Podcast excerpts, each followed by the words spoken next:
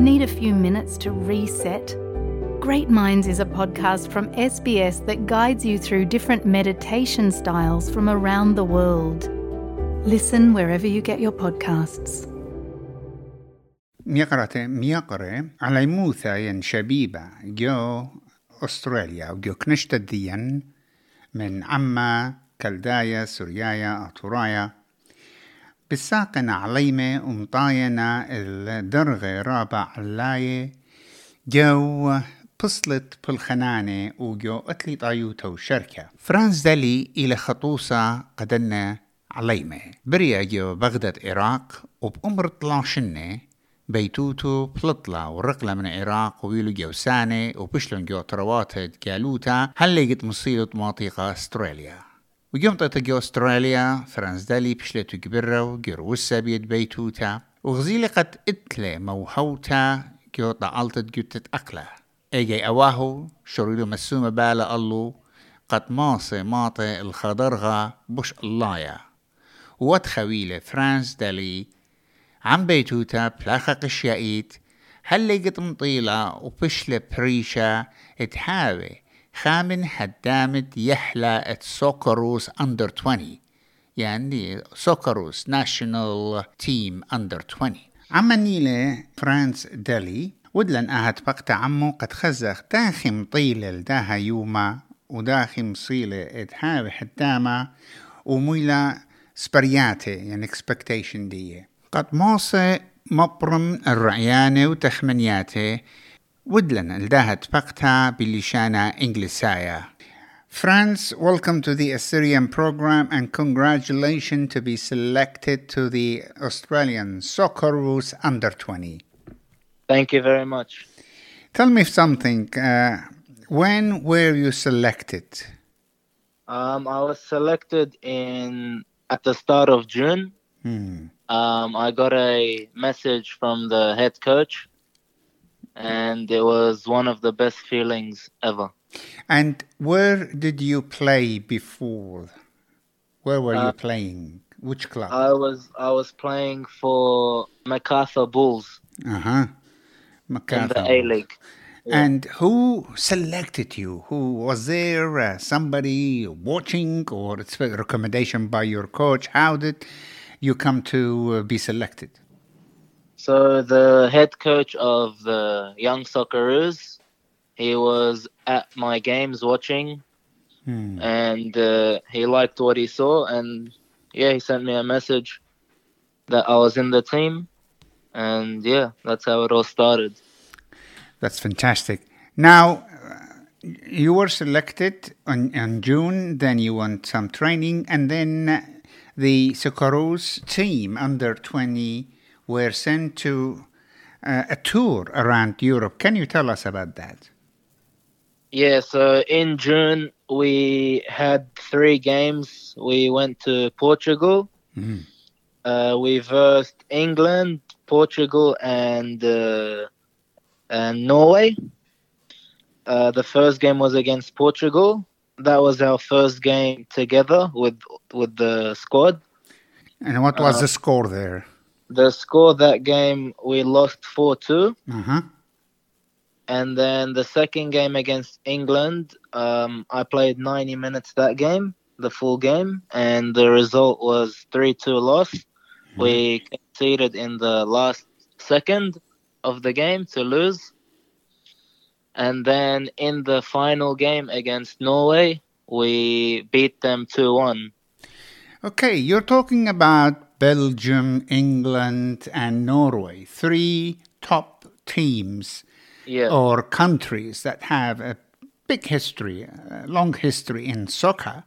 Yeah. And uh, as a first team going there, and although you lost uh, two games, but the result is not magnificent. It's not 7 0, 10 0, or 3 0. I mean, it is 3 2 or 3 or 4 2, and then the other one you want. So this is a great uh, start. And what experience did you learn, did you actually acquire from this trip, you and your team? Um, so obviously, against England, where we conceded in the last seconds, we experienced and uh, tried to make better to be fully focused for the whole game and not to switch off. And uh, as a group, it made us um, uh, more like better together for the next time we played. Mhm. We learned a lot from the game. As as you heard from the last game, we came out stronger together and we beat Norway. And I believe in uh, was it the Norway game that you assisted in scoring one of the goals? No, that Uh-huh. was not the game. Uh, which I I assisted against Denmark, so this was another tournament. Ah, okay. I believe that there is another tour you're gonna have. Can you tell us about that? When that's gonna happen? Yeah, so that will be in March in the next international break. Hmm Um, we haven't got the confirmed details, but we are going to Asia, I'm pretty sure, to have some friendlies with some Asian countries. That will be another good experience because Asian football is a bit different than the European football, but they are aggressive as well. There are countries in there that are really aggressive, like Japan and Korea and many others. So I believe that uh, the Socceroos under 20 will gain a lot of experience playing. And when is the biggest, one of the biggest games? I know, the World Cup. The biggest games would be at the end of next year, and that will be the Asian Cup qualifiers. hmm and then we will have the Asian Cup in 2025, and then whoever makes the semi-final in the Asian Cup will be going to the Under 20 World Cup, which will be hosted on uh, in 2025. Okay, so 2025 Asia Cup qualifier or the game, uh, where is that going to happen? Here in Australia or some Asian country? Uh, it will be in the Asian countries. Mm, mm. That's fantastic. Are you looking forward to these games? Yes, I cannot wait. How how did you start with soccer? When did you realize, or your parents realize, that you have the skills, you have the talent, and uh, you need to be uh, looked after? So it all started when I was uh, three years old, just kicking the ball in the backyard with my older brothers.